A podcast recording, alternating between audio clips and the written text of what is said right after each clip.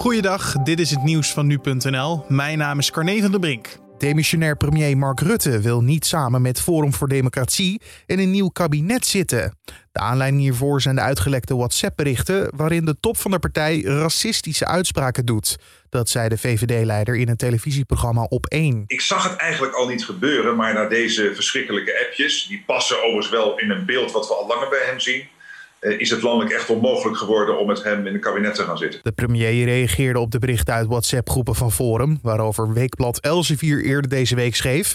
Partijleider Thierry Baudet zou ook meerdere opmerkelijke appjes hebben gestuurd. En volgens Rutte zijn deze appjes racistisch. Deze appjes die gaan alle grenzen over. Uh, alle grenzen over. Het is zo walgelijk, uh, homofoob, uh, racistisch. het is echt verschrikkelijk. De explosieve opruimingsdienst Defensie ontving vorig jaar flink meer meldingen over explosieven. Het aantal meldingen steeg doordat mensen tijdens de coronacrisis meer op pad gingen met metaaldectoren. Ze troffen voornamelijk veel geïmproviseerde bommen aan, die deels uit vuurwerk bestaan. De opruimingsdienst rukte vorig jaar wel veel minder vaak uit voor plofkraken.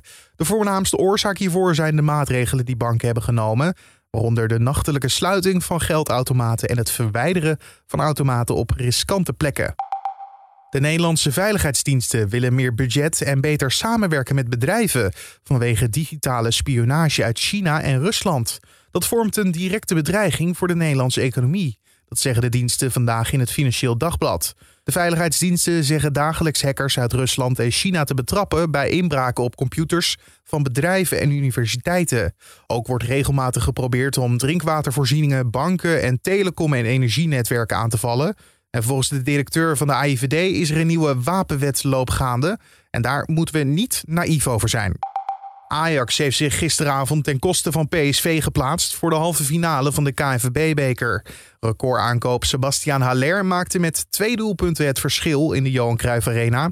Het werd uiteindelijk 2-1. Gedreuzeld bij Rosario, 4 tegen 3 als Ajax tempo blijft maken. Tadic, Haller 2-0. Het gaat kinderlijk eenvoudig. En dit roept PSV helemaal eh, over zichzelf af. Dit verwacht je eigenlijk niet van deze kwartfinale, dat het zo eenzijdig verloopt tot nu toe. Ajax voegt zich bij Vitesse, dat dinsdag de halve finale haalde door met 0-1 te winnen bij Excelsior.